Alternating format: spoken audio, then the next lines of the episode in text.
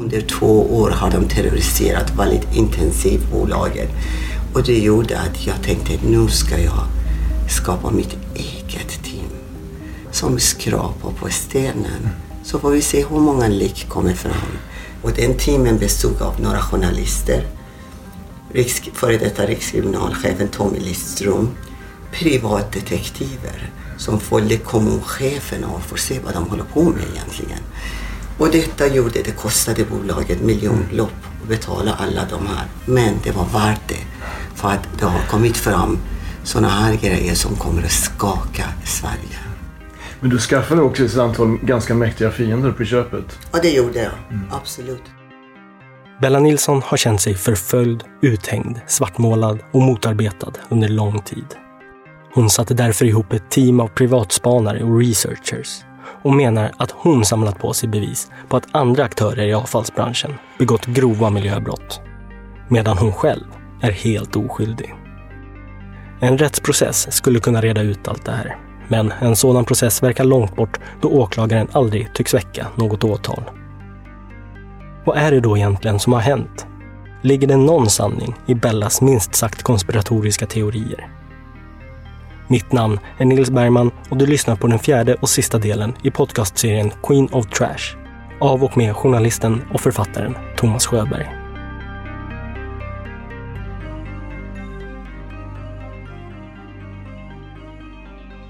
En dryg vecka efter att Bella Nilsson släpps ur häktet ringer hon plötsligt upp mig. Jag överraskas av att hon nästan låter som vanligt. Men jag förstår ju att sättet hon och hennes man greps på och tiden i häktet har tagit hårt på henne och hon nämner att hon hungerstrejkat i protest mot behandlingen. Think Pink har dessutom förlorat alla sina kunder. Alla nattsvarta rubriker har helt enkelt skrämt bort dem. Bella har inte mer att förlora och kommer nu att försätta sitt bolag i konkurs. Men jag anar en viss revanschlust hos henne och vi bestämmer oss för att träffas igen. Och ett par veckor efteråt åker jag hem till hennes våning på Södermalm för att filma ett par kortare intervjuer. Dörren är helt förstörd så det går inte knappt öppna det. Liksom. Det har nu hunnit bli november då Bella välkomnar mig in. Och bland det första hon gör är att visa mig hur insatsstyrkan, som hon menar även har tagit sig in i den här lägenheten, har förstört hennes ytterdörr. Jag kan inte öppna det på grund av... Här. Så mycket våld. För vad? Det här har de helt förstört så du kan inte låsa ens över låset. Så måste ta hit snickare för att göra det. Liksom. Och de bröt sig in här när då? De bröt sig in samma dag som de häktade oss. Det gjorde de. Det är en Bella i förvånansvärt god form jag möts av. Men hon börjar direkt återberätta sina minnesbilder av den där tidiga lördagsmorgonen i mitten av september. Då hon och hennes make under uppseendeväckande brutala former skildes från sina båda minderåriga döttrar och häktades. En händelse jag förstår har tagit hårt på henne mentalt. Det kändes som hela huset, de håller på att spränga huset. Och Bella minns varenda detalj. Det var, jag blev livrädd. Jag gick och gömde mig för att jag tänkte herregud, det här är galet. Det är krig. Jag, jag fick flashback tillbaks förr i tiden. Hela huset håller på att rasa. Det kändes som någon släppte bomb hos oss. Och då kommer det nationella insatsstyrka. För vad? Jag och Thomas, vi har ingen vapen. Vi har ingen vapenlicens. Vi har ingen våldsbrott eller narkotika. Vi är inte med på belastningsregister. Hela gatan var fullt med bilar och de hade sådana skydd på sig, du vet, framför magen liksom. Och eh, ja, de skulle slå sönder dörren. Och min man öppnade och bara, ni behöver inte slå sönder. De rusade in, hur många polisbilar? Tiotal polisbilar rusade de in. Rusade de in och eh, inte tänkte på vårt barn. Utan de hade inte någon med sig från socialen. Utan barnen fick chock. Och de låste, de tog mig och Thomas och de låste våra små flickor i ett rum längre än en trappa ner mitt emot tvättstugan. I tio timmar. Utan mat, utan någonting, med en app låste de in det. Och sen Eh, själva beställde de McDonalds och festade hemma hos oss och satt och skrattade. 10-12 timmar satt de upp och tänkte inte de här små stackars flickorna har inte fått någon mat eller gått på toaletten. En av dem, efter några timmar, tog med, kom en flicka som var cirka 11-12 år, som min dotter och lekte med mina barns leksaker. När au pairen hade kommit upp så såg hon att det finns de har barn med sig. Om vi är så farliga, varför tar de med sina barn hos oss? För det första. För det andra, varför bjuder de in Expressen om det är fara? Internationella insatsstyrkan bjuder in Expressen som fotar och filmar fritt i huset och utanför huset. Det här är bara ett spel för galleri. Folk blir, tjejer blir våldtagen det är på, pågående rån knappt kommer insatsstyrka. Här pratar vi om en vanlig familj med två små barn och som ligger och sover och får vad? Vad är brotten? Miljöbrott för vad? Vi har levererat betongkross. Och vad är det? Ska man ta hit nationella ins insatsstyrka? Bella har suttit framför en kamera förr och svarar lugnt och så artikulerat hon kan på mina frågor. Hon berättar om hur nöjd hon var över att ha hittat marken i Västerås. Äntligen kunde hon och hennes team börja ta marknadsandelar och expandera.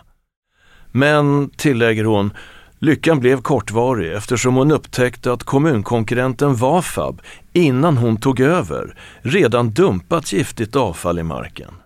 Nej, då, innan jag köpte marken så har de grävt ner bränsleavfall. Ah. Eh, det var innan. Men det gjorde de. Det får, de här bränsleavfallen får man inte gräva hur som helst. Utan man får gräva när det är giftigt mm. och det är tunga metaller, tunga koppar. Mm. Det måste deponeras på ett speciellt sätt. Mm. Men kommunen gör det i Västerås hur de vill. Och det får de göra för att de gör det under lagens namn. Mm. Och det vad, vad som är löjligt, de har kritiserat mig kontinuerligt för byggavfallet som har lagts på gifterna de har grävt ner. Och hur kan det vara farligt med papper och trä när det är gifter under som kommunen tyst under, under lagens namn har grävt ner och tystat ner det. Förstår du vad jag menar? De har gjort prov vi har gjort prover också med VSB, det har sett bra ut. De har gjort prov, ett prov och säger att kopparhalten är mycket. Men det är deras gifter som har regn, mm, grävts ner. Är det grova miljöbrottet då som du ska ha begått? Det finns ja. Nej, men vad säger åklagaren? Det är påstående hon tror, tycker. Grova miljöbrott, för det första, vi har levererat normalt när, när man håller på med byggavfall som vi gör. Allt farligt avfall åker till kommunala tipparna mm. och det har jag alla faktorerna och kan redovisa. Så vi, vi jobbar med byggavfall, mm. icke farlig avfall. Bella menar att hon inte alls gjort sig skyldig till något grovt miljöbrott och att hon kan motbevisa allt hon anklagas för. Bella menar också att hon sedan en tid tillbaka upplevt att hon blivit avlyssnad. Hon har hört klickande ljud i telefonen och misstänker även att mikrofoner placerats i hennes hem. Jag har varit avlyssnad. Det har varit avlyssning på min telefon de senaste två, tre åren. Både min och Thomas. Och personalen också har misstänkt, trafikledare och några andra. Det har varit helt enkelt avlyssnade eh, samtal. Laglig eller olaglig, de har avlyssnat. Och det är fel för att allt som vi har sagt i telefon plötsligt vet alla. Mm. Så det har absolut varit avlyssning och anledningen att de kommer häktade oss eh, för att de vill sabba för bolaget helt enkelt och sabba framför allt det här köpet. Men menar du att dina konkurrenter, dina fiender har fått polisen att gripa dig och en åklagare att Absolut, åtala dig? jag menar precis det. Åtala mig men fortfarande jag förstår inte vad är brotten. Alla våra depåer vi har haft tillstånd. Vi har inte gjort någonting olagligt. Men du, du är fortfarande inte åtalad? Nej, och det, det säger allt. Mm. Att hon skjuter fram åtalet. Jag vill att hon ska väcka åtal. Har hon någonting så vill jag, hennes åtal är välkommen. Mm. För att jag ser fram emot att träffa henne i tingsrätten med mina advokater. Det enda brotten Bella Nilsson och Tink Pink har gjort, att det är konkurrent till kommunala tippen Vafa i Västerås. Det är enda. Teorin om att det är Think Pinks konkurrenter som på något sätt påverkat både polis och åklagare i ett syfte att svartmåla och sätta dit henne är svår att ta in. Men det är ändå så här att polisens tillslag mot Bellas villa faktiskt har lett till att hon har blivit av med alla sina kunder. Bella skyller det här på att media gick ut med hennes namn och bild direkt efter tillslaget. Men jag har helt enkelt satt bolagen på konkurs mm. på grund av kommunernas agerande. Alla våra kunder försvann med tanke på att de gick ut med mitt ansikte i media. Och det är också anmärkning.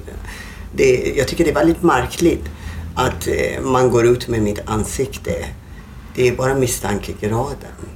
Och jag är inte ens åtalad. Jag är inte dömd. Och så går man ut och visar med mitt ansikte och pratar om Think Pink i pressen och visar högarna. Men det, högarna är där för att de ska återvinnas. Vi håller på med återvinning och recycling. Men då ska man måla texterna som står i Expressen ena dagen. De bara, åh det är så hemskt, de har gips där. Gips har farliga ämnen, gips har inte farliga ämnen. Men vad var det som hände? Enligt Bella är bakgrunden till polisens tillslag att kommunkonkurrenterna förstått att hon gjort sin research på de miljöbrott som de har gjort sig skyldiga till. Och det har gjort dem nervösa. Jag tror att de misstänker att jag har gjort det eftersom jag begärde, journalisterna har begärt vissa papper. Mm. Det vet de och det är därför de försökte förstöra bolaget ännu mer. För att när de börjar fråga kommunerna Eh, i Västerås bland annat om olika dokument, vad de har gjort med farliga avfallen. Då eh, blir de stressade och skyller på varandra och skulle återkomma och vi fick inte riktigt svar. Men de förstår att jag har gjort en research eh, som har pågått under två år att, om vilka miljöbrott kommunerna har gjort. Och det har gjort dem nervösa och då tänkte de nu slår vi stort. Nu hänger vi ut Bella Nilsson och Tink Pink. Jag tänk på vad Expressen har gjort. Häng ut mig. Bara misstankegraden med ansikte. Bella uttrycker sig på ett övertygande och självsäkert sätt. Jag märker att hon mer än gärna tar tillfället i akt att framför påslagen kamera kunna nå ut med sin historia. En historia som fram tills nu lyst med sin frånvaro. Och jag låter henne göra det. Innan vi skiljs åt igen så frågar jag hur hon och hennes barn mår idag, nu när det har gått en tid sedan tillslaget. Vad som har hänt, mina barn mår extremt dåligt. Jag tror inte de kommer att återhämta sig på många, många år. Jag, har, eh, jag tar dem till psykolog. Och eh, äldsta dottern har slutat att äta Eh, när jag ska gå ut och handla. Hon säger att mamma, gå inte för att de har polisen. Jag, jag känner på mig att de kommer att skjuta dig. De visade mina, dotter, mina flickor så tungt beväpnade människor hemma hos oss. Och det är inte rättvist för, barn, för barnen och vårt liv. De har förstört vårt liv och mina barns liv helt enkelt. Vi skiljs åt då jag lämnas med en historia om korruption och konspiration. Think Pink finns inte längre och den planerade försäljningen till Sortera har gått upp i rök, precis som soporna i Think Pinks anläggningar. Och jag tror att helt enkelt på något sätt så vill de klämma åt henne och jävlas henne. Jag fortsätter med min egen research och beslutar mig för att titta lite närmare på Bellas jurist, Peter, som jag kallar honom.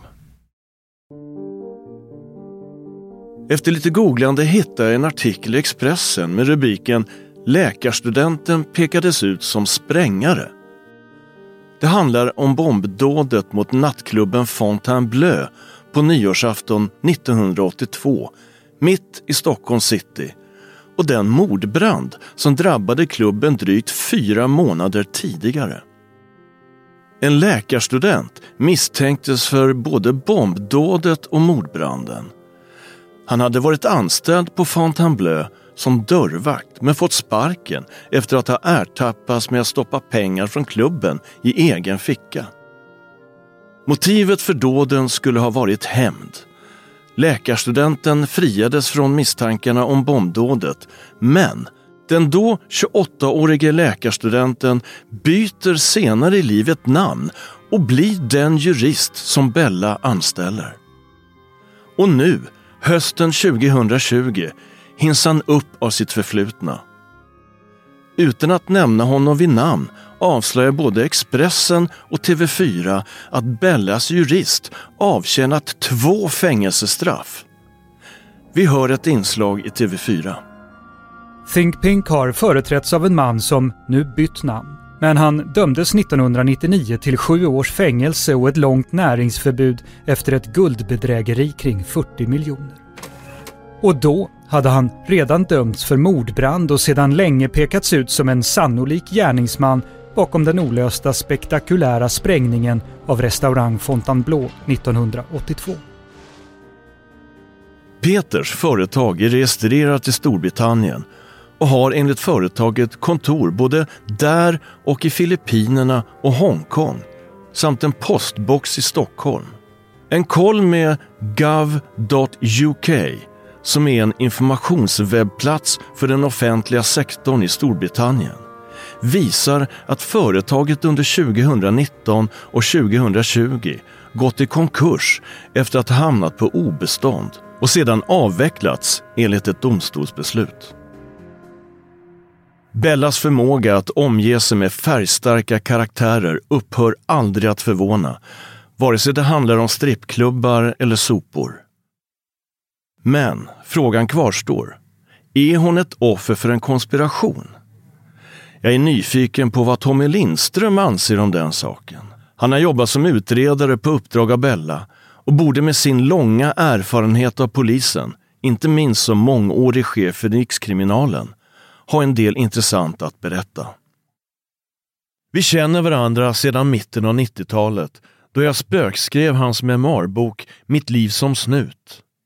Men vi hamnade på motsatta sidor 2010 i dramatiken kring utgivningen av min bok Den motvillige monarken. Bakom ryggen på mig hade Tommy lierat sig med fiendelägret, det vill säga kungavännerna, läckt information han fått av mig i förtroende och sedan försökt stoppa utgivningen av boken genom att hota med både smutskastningskampanjer och ingripande från Säkerhetspolisen. Tommy misslyckades. Men hans dubbelspel var en djupt obehaglig upplevelse och vi har inte pratat med varandra sedan dess. Min ilska över hans svek har svalnat med åren och rösten är trots allt fortfarande ganska sympatisk och skrattet väldigt bekant.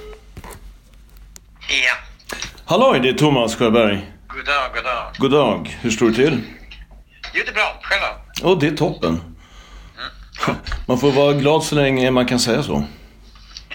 Eller hur? Tommy Lindströms uppdrag åt Think Pink började under 2019 och gick ut på att försöka ta reda på varför Bella och Think Pink tycks ha jagats av sina motståndare. Hans analys är att Think Pink varit alldeles för framgångsrikt och att de kommunala bolagen Vafab i Västerås och SRV i Huddinge därför velat bli av med en konkurrent. Tommy Lindström börjar också att intressera sig för den polisman som Bella anser förföljt henne. Bland annat genom att påstå att Think Pink begått miljöbrott och att han och andra mått dåligt av utsläpp från Think Pinks sopor. Och sen fanns det en polisman som agerade. Han bodde någonstans nära den här gropen. Som agerade. Och sen någon tjej som jag tror var civil utredare på polisen. Mm. Och de här två fanns på foton på sån här mitt i Botkyrka, dokumentation och liknande. Och härjade om att det var miljöbrott. Men det påstod ju miljöförvaltningen att det var det inte. Tvärtom. De hade ju varit hemma hos eh, polismannen och mätt eh, om det var något onormalt med, med lukt, med eh, damm och såna här saker. Eh, eller någonting annat. Och det fanns ingenting. Så, så det var alltså noll på miljöpåverkan. Tommy Lindström tittade på eventuella kopplingar mellan Polismannen och SRV, alltså Think Pinks konkurrent i Huddinge. Och där, efter det kom jag sen in på SRV och eh, det som vi kan kalla för konkurrensproblematiken. Och den var intressant så tillvida att här fanns det knytningar mellan polismannen och eh, van Dovegård, någonting sånt, han som satt som någon eh, ansvarig kille på eh, SRB.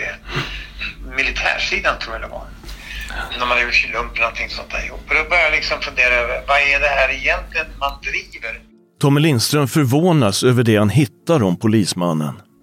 Mm. Men jag tyckte det var konstigt att han agerade och att han agerade under tjänstetid. Och det var skuggningar och jag kunde av transporterna som Bellas chaufförer då åkte till Skultuna.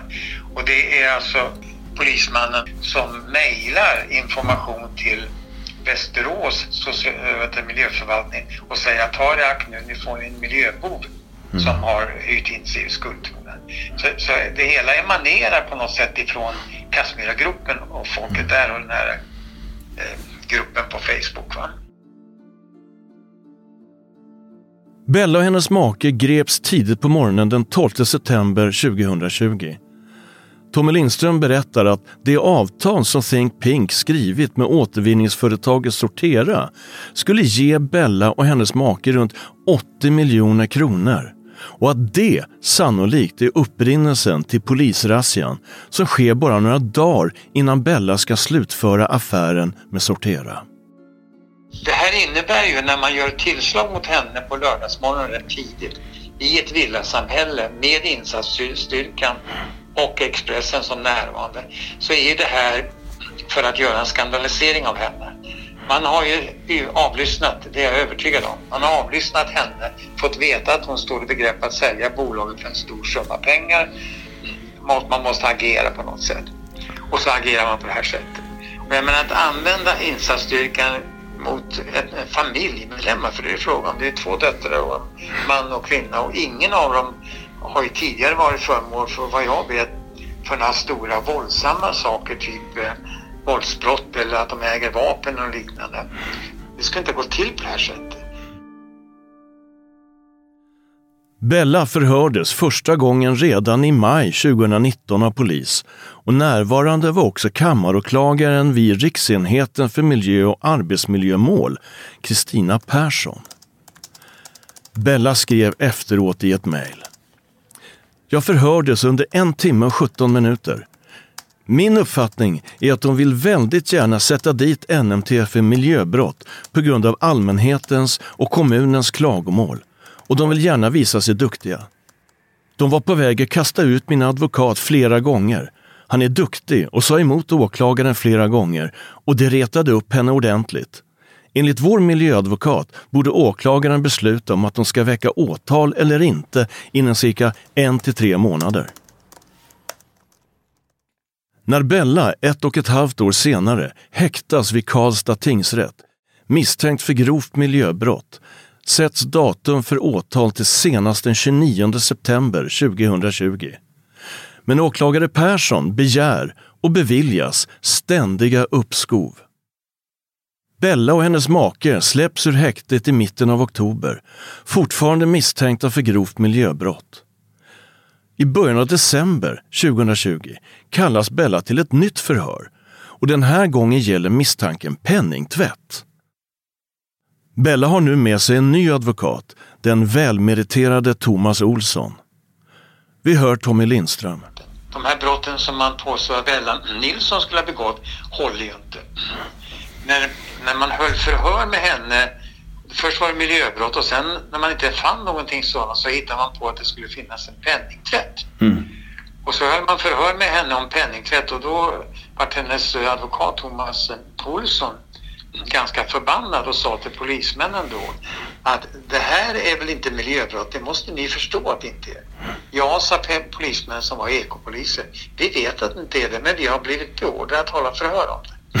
Man söker alltså som, efter någon form utav möjlighet eller eh, bevis eller omständighet som kan tyda på att det skulle föreligga ett brott. Hittar ingenting.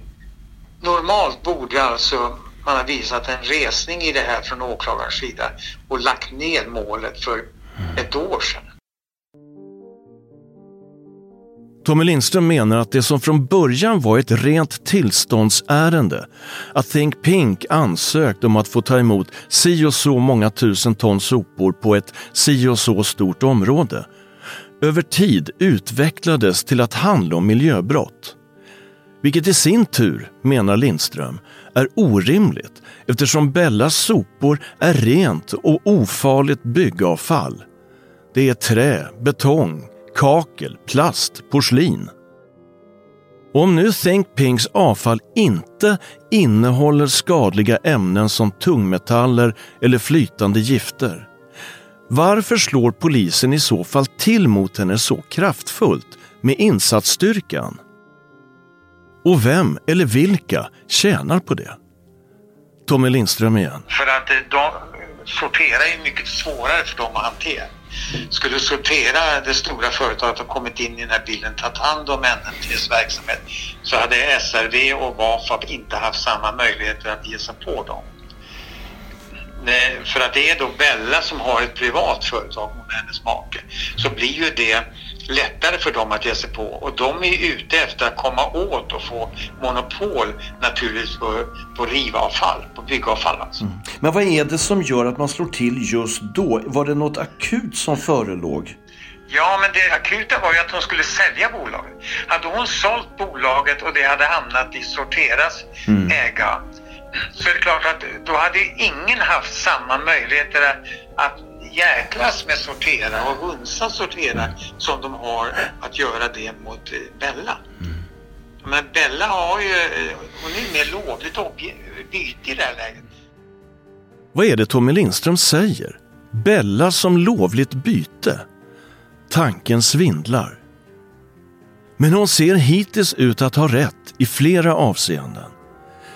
Det ser faktiskt ut som om hon utsatts för något som liknar en konspiration eller i alla fall en samlad och hyfsat samtidig attack från konkurrerande avfallsbolag, kommunala tjänstemän och förtroendevalda politiker. Samtliga med ett gemensamt mål i sikte, Bella Nilsson och Think Pink. Jag har sökt företrädare på Sortera för att få en kommentar till den avbrutna affären med Think Pink. Jag har både ringt och mejlat utan att få svar. Även Peder Doverborg, den chef på SRV i Huddinge som Bella riktar ganska allvarliga anklagelser emot, väljer att inte kommentera. Det återstår nu ytterligare två spår att följa i Bellas upplevda komplott. Är det sant att medlemmar i den anrika orden Odd Fellow deltagit i sammansvärjningen? Och är den mystiske polismannen också en del av den? Jag får till slut, för andra gången, tag i den polisman som Bella anser förföljer henne. Jag vill få hans kommentar till Bellas anklagelser. Ja, jag har tio minuter före nästa lektion så att absolut. Han heter Mats Fransén jag har turen att fånga honom mellan två lektioner. Jag, bara, jag har ju snackat med Bella också. Ehm, och hon känner sig förföljd som du säkert vet. Ehm, eller jag kände sig då i alla fall för, förföljd när jag pratade med henne senast. Det finns ju en film, en övervakningsfilm som är tagen på en av eh, Think Pinks anläggningar i juli 2016. Känner du till den filmen? Nej, det, det gör jag nog inte. Jag vet om att man har filmat på flera olika ställen. Precis. Jag tänkte bara höra med dig vad det du, du gör på anläggningen vid det tillfället? Uh, nu får vi se vilken film och när var den filmad? Ja, 20 juli 2016 och det är din bil som kör in på anläggningen där. Så går du runt en stund tillsammans med en kvinna. Uh, det ser ut som att du fotograferar eller filmar. Jag vill bara stämma av med dig vad, vad, vad det där handlar om. Jag tror att det där var i samband med reportaget i Mitt i-tidningen som kom ut sen. Okej. Okay. Så att den, den artikeln bör ju finnas sökbar. Jaha, så du menar att det var, det var en fotograf som var med då, eller journalist? Ja, ja men precis. precis. Ah, okej, okay, okej, okay, okej, jag fattar. Nej, för att hon har ju visat den och hon känner sig eh, förföljd och det var ett, ett exempel på, på det. Vi kan ju ställa frågan tvärtom då, eh, varför hon skickar efter folk som håller på som ligger på mig och mina barn och min familj och tar foton och kollar vilka bilar jag har och vilka fastigheter jag äger. Ja, jag vet att hon gör det. Så, hon har ju kartlagt många i, i, i den kretsen som hon anser hör till fiendeläget så att säga. Hon är övertygad om att det är du som är Bernt Nilsson också. Ja, det kan man ju tro. Finns han tillgänglig tror du? Jag har vidarebefordrat uppgifterna Ja. och hör han inte av sig så, så är han väl inte tillgänglig. Nej. Jag tänkte bara, så jäkla märkligt som man ändå driver opinion i den här frågan så vore det värdefullt att få hans eh, åsikter och inspel i det här ämnet. Vad tror du att, det, att det, allting handlar om egentligen? Oavsett skuldfrågan menar jag. Vad, vad är det vi bevittnat under de här åren när det gäller Bella och den bakgrunden hon har och eh, avfallsbranschen? Har du, har du någon Jag liksom... vet inte om hennes bakgrund spelar någon större roll i det här och som sagt vad jag ser det här som ett företag som eh, helt enkelt ska försöka tjäna pengar på att bedriva en verksamhet som inte är förenlig med, med eh, miljön i stort. Och jag tycker att den här anläggningen har legat helt fel under alla år och vi har blivit drabbade, alla vi som bor i närheten utav det här.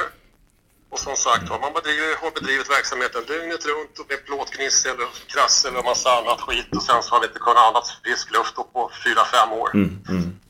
Så att det är den egenskapen som, som jag engagerar mig i det här. Ja. Under alla årens lopp så har jag aldrig sett att det har bedrivits någon form av sopsortering utan det är en ren flisning av, av alla massor som kommer in. Och, och vilka de här massorna är, ja men det finns ju också fotografier och, och sådana saker ifrån de här säckarna, vad som har legat i det. Men det är ju som sagt, man har ju inte tagit några prover överhuvudtaget på det här och kommunen har ju bara sett mellan fingrarna på den här verksamheten under alla år. Ja, men det viktigaste för oss tänkte jag säga det är väl att man återställer gropen i sitt ursprungliga läge och nu ska man ju tydligen ifrån Botkyrka kommun tillsätta en del pengar så att man ska kunna forsla bort det här. Kommunen hade tydligen budgeterat 200 miljoner för det här Ja, totalt ja. Mm, mm. totalt och sen så, ja, det är väl ingen som vet hur, mycket, hur mycket gods som ligger där nere. Jag kontaktar en journalist som skulle kunna stämma med Franzéns förklaring. Hon jobbade i många år som reporter på lokaltidningar i södra Stockholm och gjorde ett reportage om problemen i Kassmyragropen, där Think Pink haft en av sina anläggningar. Och hon intervjuade Mats Franzén som ordförande i en samfällighetsförening 400 meter därifrån. Artikeln publicerades i november 2016 Alltså fyra månader efter att Mats Franzén och den där kvinnan fångats av övervakningskameran på Think Pinks anläggning. Men eh, journalisten har ingen minne av att hon någonsin åkt in på anläggningen i bil tillsammans med Franzén. Och när hon får se en stillbild från övervakningsfilmen så är hon säker på sin sak. Det är inte hon som är där tillsammans med polismannen. Jag kontaktar administratören för Facebookgruppen Sophantering Botkyrka Kassmyragropen. Han som kallar sig Bernt Nilsson. Jag har ännu inte lyckats få honom i telefon, bara kommunicerat med honom i Messenger. Jag skriver Hej Bernt, kan du ringa mig? Inget svar. Två veckor senare skriver jag på nytt. Hej igen! Ibland funderar jag på om du verkligen finns på riktigt. Jag pratade med Mats igår, men det vet du förmodligen redan. Ring gärna så att eventuella tvivel skingras. Du har mitt nummer. Fyra timmar senare får jag svar från Bernt Nilsson. Hej igen! Förstår, du är inte ensam. Mats, Kerstin och Fredrik Möller har hållit dialog med media. Och han fortsätter. Du har gjort en del om Tommy Lindström, Milton. Bella är med där. Vad är ditt förhållande till polisen, Tommy och klientelet? Han skriver ordet polisen inom citationstecken. Jag fattar inte riktigt vad han menar men jag svarar Om du ringer mig i eftermiddag så kan vi besvara varandras frågor. Jag hör inget och skriver senare på dagen Okej Bernt, och jag sätter namnet inom citationstecken. Då utgår jag tills vidare från att du är en påhittad profil med påhittat namn. Det vill säga att du inte finns, utan snarare, och mer troligt i själva verket, är densamma som Mats Franzén. Men ring gärna och övertyga mig om motsatsen. Inget svar. Och strax därpå har Bernt Nilsson blockerat mig från sin Facebook-profil. Och där avslutar jag kapitlet Mats Fransén och Bernt Nilsson. Men frågan är om Bella också har rätt beträffande den svenska grenen av den internationella ordenssällskapet Odd Fellow. Redan i ett av de första telefonsamtalen med Bella kommer hon in på det anrika sällskapet. Och som vanligt går hon till frontalangrepp och svingar vilt omkring sig. Vilka av dina, dina fiender är med i Odd Fellow menar du? Västerås kommun högsta chef är medlem där. Okej. Okay. Högsta chefen, förvaltningschefen då, inte politiker utan... Kommunchefen. Ja, kommunchefen. ja kommundirektören. Ja. ja. Och sen har vi det, de eh, som har hängt ut oss på Facebookgrupperna. Det kommer du få bilder och info sen. Han är också medlem där. Vem är han då? Det är en, en kille som har jobbat på värmeverk för många, äh, många år sedan. Han skriver om NMT väldigt effektivt. Jag har ingenting mot herrklubbar. De får, det, kan, det kan finnas så många som helst. De får basta och jaga och göra vad fan de vill. Men när de går, men de går mot den här stackars Stockholmsföretaget och håller varandra ryggen och påstår massa saker. Med det stackars Stockholmsföretaget menar Bella såklart hennes Think Pink. Hösten 2020 mejlar hon mig dokumentation som hon anser bevisar att medlemmar i Odd Fellow på olika sätt är inblandade i attackerna mot henne och Think Pink. Det är medlemslistor från Odd Fellow, personkopplingar och fotografier från deras sammankomster och fester. En kort sammanfattning av Bellas tankar om konspirationen kan se ut så här. Person A är en brandman som enligt Bella var på plats i samband med branden i Think Pinks anläggning i Skultuna. Brandmannen ska sedan ha lagt ut bilder och en film på nätet och påstått saker som enligt Bella är lögner och som på alla möjliga sätt försökt sabotera Think Pinks verksamhet. Brandmannen är gift med en person som arbetar med teknik inom Västerås stad och vars pappa innehar en hög befattning i OddFellow. Person B är aktiv i Facebookgruppen Sophantering Botkyrka Kassmyragropen och delar nyhetsinslag om Think Pink. När Bellas jurister anmäler Vafab i Västerås till Konkurrensverket skriver person B att Think Pink griper efter halmstrån. Hans koppling till Odd Fellow är inte glasklar, men han verkar synas på bild från ett av Ordenssällskapets arrangemang.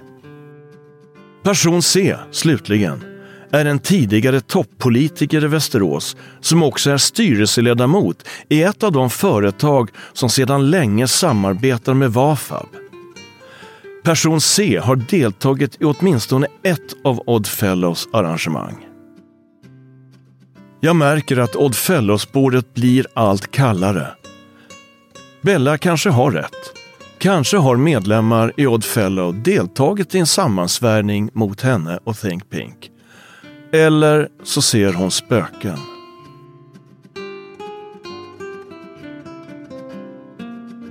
Medierna fortsätter i alla fall oförtrutet sin bevakning av Think Pink-härvan och det ser onekligen illa ut.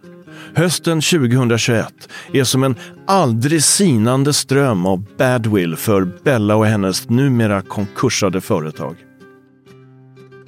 Bella har häktats, släppts fri, men är fortsatt misstänkt för grovt miljöbrott. Och Think Pink finns inte längre annat än som ett spöke från det förflutna. Och åtalet dröjer, om det ens blir något. Men hennes sopor ligger där de ligger och det görs ständigt nya upptäckter. Och ansvaret läggs naturligt nog fortfarande på Bella. Det är dumpat avfall i Eskilstuna, Strängnäs och Flen och polisen påbörjar nya förundersökningar om miljöbrott. På en skogsväg utanför Södertälje hittas över hundra övergivna avfallscontainrar med Think Pinks numera ökända logotyp. Sveriges Radio rapporterar. En skandal likt den i Botkyrka. Ja, så sa nyligen Anna Flink, säkerhetschef på Södertälje kommun, om de över hundra containrar med byggavfall som ställts på en privat mark i Hölö. En ny storbrand bryter ut i Kassmyra utanför Botkyrka i Think Pinks gamla avfallsanläggning. Och myndigheterna uppmanar alla i området att gå inomhus och stänga dörrar, fönster och ventilation. Och så här lät det i P4 Stockholm. Det brinner kraftigt på en soptipp i Kassmyra i Botkyrka söder om Stockholm.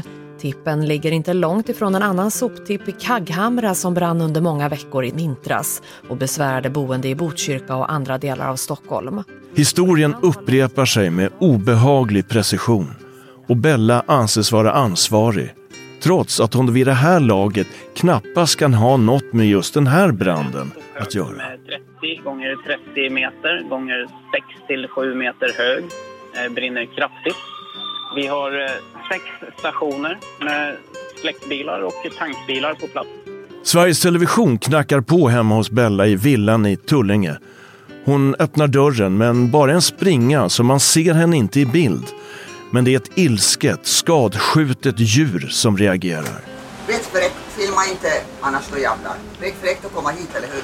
Den som pratar är Bella Nilsson, VD för det skandalomsusade bolaget Think Pink, som efter konkursen hösten 2020 lämnat stora sopberg av byggavfall i orter som Botkyrka, Dannemora, Håbo, Laxå, Skultuna i fyra olika län i Mellansverige. Alla våra verksamheter, vi har haft giltiga tillstånd. Punkt. Men, men ser, Bella, ser du någonting att du har gjort någonting fel i den här situationen? Att jag har blivit oskyldig anklagad och blivit uthängd i media. Och det är fel. Man är oskyldig tills man har fått domen.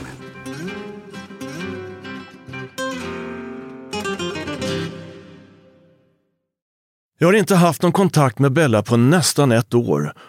När vi plötsligt stöter ihop under lunchrusingen i Stockholm en grå men ljummen dag i slutet av oktober. Vi tittar på varandra en stund medan den omedelbara, ömsesidiga överraskningen lägger sig. Vi finner oss och jag frågar hur det står till. Bella berättar att hon och maken gått skilda vägar, att de fortfarande är goda vänner och har delad vårdnad om barnen och att hon nu bor i våningen på Södermalm på heltid. Hon tar det lugnt, tränar och verkar faktiskt må bra. Och vi snuddar bara som hastigast vid det kanske mest kritiska ämnet. Det vi alla väntar på. Ett åtalsbeslut som ska komma någon gång innan årsskiftet, 2021. Ja, det är svårt att säga exakt naturligtvis. Den nye åklagaren i Think Pink-målet, Anders Gustafsson, är inte helt säker på när han kan väcka åtal. Men eh, vi har en, en idé om att under året att vi kan bli klara med utredningen i alla fall. Okej. Är det komplicerat fall? Ja, komplicerat på grund av omfattningen så att säga. Mm.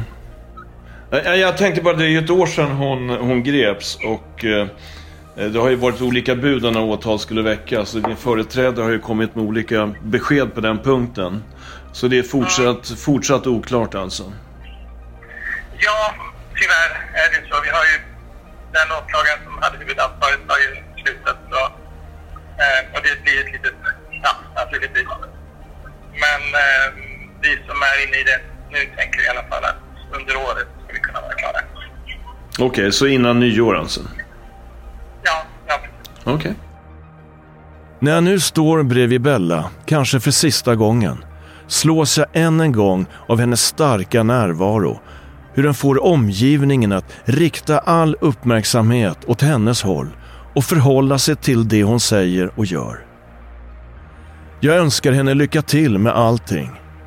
Och Bella, med sitt långa, raka, svarta hår, vänder sig om och vandrar sakta bort i folkvimlet.